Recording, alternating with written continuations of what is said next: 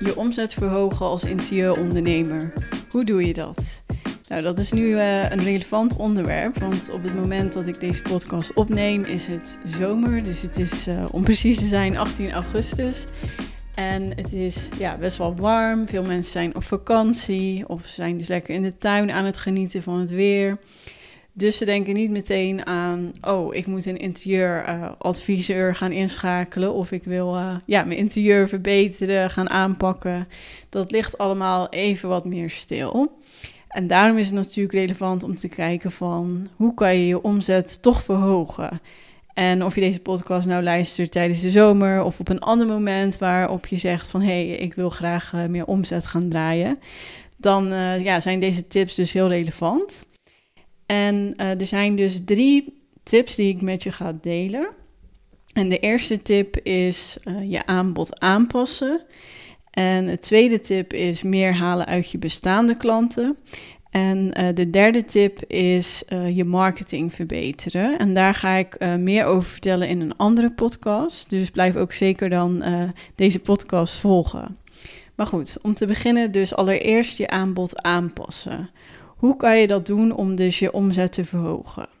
Nou, er zijn twee mogelijkheden. Dus allereerst spreekt wel voor zich. Je kan dus je prijzen verhogen om dus meer omzet te behalen. En daarbij is het goed om eens te gaan kijken naar andere interieurprofessionals die ongeveer hetzelfde doen als jij. En om eens die prijzen te gaan vergelijken. Want vaak zijn we geneigd om juist ja, minder te vragen dan uh, een ander. Omdat je dan denkt, oh, dan komen ze bij mij uh, terecht. Dan uh, ja, schakelen ze mij in omdat ik dus goedkoper ben. Dat kan zo zijn als, jij, ja, als jouw doelgroep is echt heel erg prijsgevoelig is. Dus als ze ja, een heel krap budget hebben en ja, het eigenlijk voor zo min mogelijk geld willen doen. Dan uh, kan dat wel interessant zijn om die strategie toe te passen. Dat je zegt, nou, ik ben dus net iets goedkoper dan ja, de andere interieurprofessionals bij mij in de buurt of ja, binnen jouw doelgroep. Maar wat ook het geval kan zijn, is dat het juist als jij goedkoper bent, dat het juist de indruk opwekt dat jij minder goed bent. Dus dat jij minder waarde levert dan een ander. En dat wil je natuurlijk niet. Dus daarom is het toch interessant om eens te gaan kijken van ja, kan jij die prijs omhoog doen? En daarbij is het natuurlijk ook goed om eens te gaan uitrekenen van ja, wat is eigenlijk jouw uurtarief? Dus hoeveel verdien je per uur? En um, dat kan je natuurlijk doen om te kijken van, nou ja, wat vraag je voor een uh, pakket of een advies? En hoeveel tijd ben je eraan kwijt? En dan weet je natuurlijk van, nou, dit is mijn uurtarief. En kan je kijken van, is dat waar jij tevreden mee bent? Dus dat is altijd een goed startpunt om allereerst eens te gaan kijken ook van, ja, ben jij überhaupt tevreden met wat je op dit moment per uur verdient?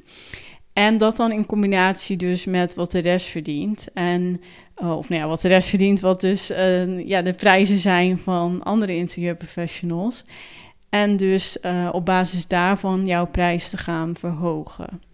Dus wees niet bang om ja, te veel te vragen. Want zoals ik zei, het kan juist goed zijn om uh, een hogere prijs te hebben, omdat dat dus de indruk wekt dat jij ja, meer waarde aanbiedt, uh, meer een expert bent, misschien ook al meer ervaring hebt. Dat kan natuurlijk ook dat ja, idee opwekken als jij natuurlijk een hogere prijs hebt. Dus er zitten zeker voordelen aan.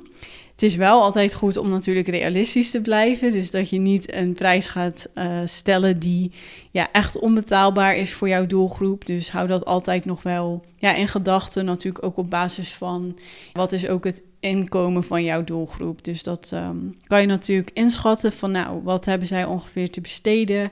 Wat willen zij ongeveer uitgeven aan interieuradvies? Dus dat um, ja, is gewoon ook goed om in gedachten te houden.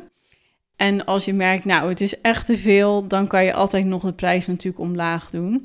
Dus daarom, ja, wees gewoon niet bang om toch echt die prijs omhoog te doen. Zodat je natuurlijk meer gaat halen uit die klanten die je hebt en die je dan uh, binnenkort gaat uh, aantrekken. En wat ook interessant is, is om dus ook meer te halen uit bestaande klanten, maar dan op een andere manier. Dus niet alleen om uh, ja, direct meer te vragen voor een interieuradvies, maar ook om meer aan ze te verkopen. Dus dat kan je doen bijvoorbeeld aan de hand van een cross-sale. Dus dat heb ik al eerder benoemd, ook in deze podcast. Maar om nog even kort uit te leggen, dus dat is dat je een extra product aan ze verkoopt. En een voorbeeld hiervan kan zijn is dat je bijvoorbeeld een basispakket verkoopt en dan verkoop je ook nog los een 3D-ontwerp erbij. Dus bij het basispakket zit dan een 2D-ontwerp, maar als ze dus uh, ja, meer willen betalen, dan krijgen ze dus ook het 3D-ontwerp ehm, erbij. En daarbij is het natuurlijk goed om altijd de ja, voordelen te benoemen ook van dat 3D-ontwerp of ja, welk ander product je er ook nog bij verkoopt. Uh, dus dat is een manier. Dus uh, dat heet dan een cross-sell. En daarnaast is een upsell ook een manier om nog meer uh, omzet te halen uit je huidige klanten. Want bij een upsell bied je dus een duurder pakket aan. Dus stel je hebt een brainstorm sessie met een klant gedaan van twee uur en je merkt dat ze het best wel lastig vinden om ja, zelf ermee aan de slag te gaan met alle tips en om alles zelf te gaan uitzoeken en kopen.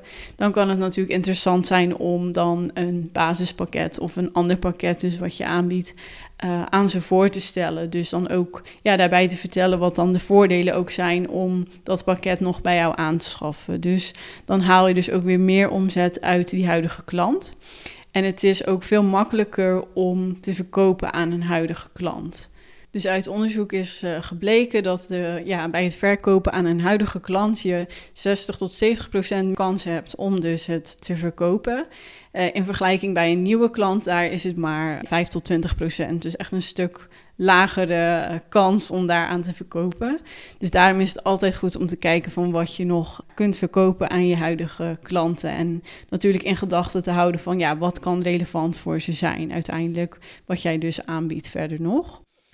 En um, ja, dat is dus een manier om dus uh, meer omzet te gaan genereren.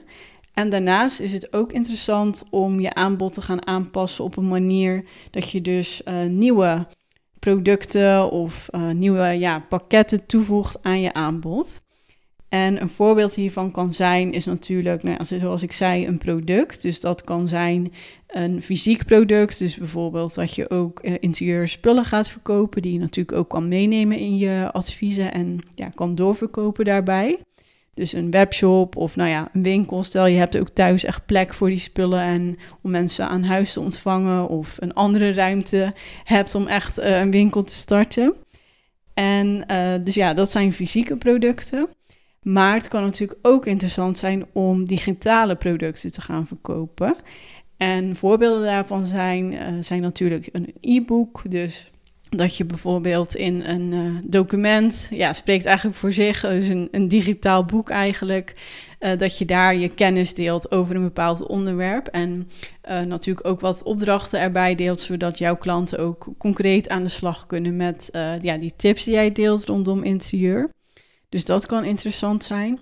Of om een cursus aan te bieden. Dus dat is natuurlijk ook heel aantrekkelijk, omdat je dan echt je, je klant begeleidt in het proces en ze echt stap voor stap die cursus kunnen volgen. En ja, dan krijgen ze ook echt een gevoel van voldoening van, oh, ik ben nu echt een expert hierin, op, ja, op het gebied van, die, uh, van het onderwerp van die cursus natuurlijk.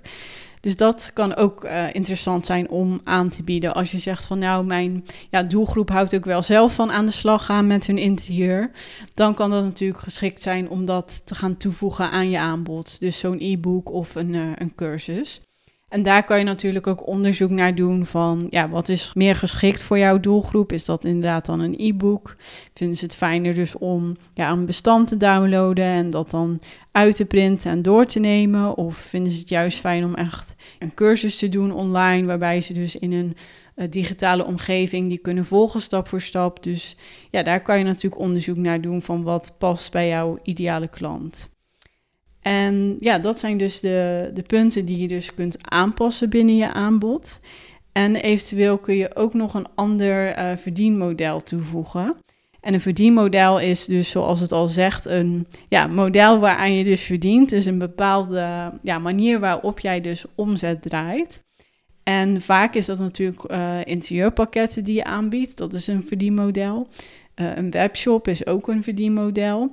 Uh, maar ook bijvoorbeeld een abonnement. Dat kan ook interessant zijn om je daarin te verdiepen van, goh, is dat iets wat interessant is voor mijn ideale klant. Dus dat je bijvoorbeeld uh, ieder half jaar bij ze langskomt om weer een uh, upgrade te geven aan hun interieur. En dat ze daar dan dus ieder half jaar voor betalen. Er zijn ja, verschillende mogelijkheden in om ook een, een abonnement in te zetten als interieurprofessional. En wat ook relevant is, vooral als je ja, veel websitebezoekers hebt. Dus als je bijvoorbeeld een interieurblog hebt waarop je dus al veel ja, bezoekers krijgt en veel interesse in is, dan kan het uh, relevant zijn om dus je te verdiepen in uh, affiliate. Dus een affiliate program, dus dat jij uh, ja, geld krijgt als iemand doorklikt naar een, een externe website. Dus dat je bijvoorbeeld interieurproducten verkoopt of ja, in het algemeen een bepaald interieurmerk. En als jij dan websitebezoekers genereert, dat je dan uh, daarvoor een bedrag krijgt. Dat kan natuurlijk ook interessant zijn om in te verdiepen als je dus zegt van nou, ik heb al een mooi bereik. Of eventueel ook samen te werken met andere interieurbedrijven. En dat je daar dan commissie voor krijgt als jij hun producten verkoopt. Dus dat zijn ook manieren om dus weer je omzet te verhogen. Om dus verschillende aspecten, verdienmodellen toe te voegen aan je aanbod. En in een volgende podcast ga ik dus meer vertellen over je marketing, hoe je daarmee aan de slag kan, om daar dus ook meer omzet uit te gaan halen. Dus volg even deze uh, podcast op Spotify, dus dat je op de hoogte blijft van de nieuwe afleveringen. En uh, waar je mij dan weer heel erg mee zou helpen, is als je uh, de podcast ook even vijf sterren wilt geven. En dat kan je doen door uh, bovenaan in Spotify, dus op de ster te klikken die daar staat. En dan kun je dus de podcast beoordelen. Mocht je die ster niet zien, dat kan dus zijn op bepaalde uh, telefoons, dan kun je even klikken op de drie bolletjes die bovenaan staan. En dan krijg je een pop-up waarin je dus kunt kiezen uit verschillende opties. En als het goed is, staat daarbij dat je de podcast ook kunt beoordelen. Dus uh, ja, super bedankt als je dat uh, wilt doen. En dan wens ik je nog een hele fijne middag, avond of dag. En tot de volgende podcastaflevering.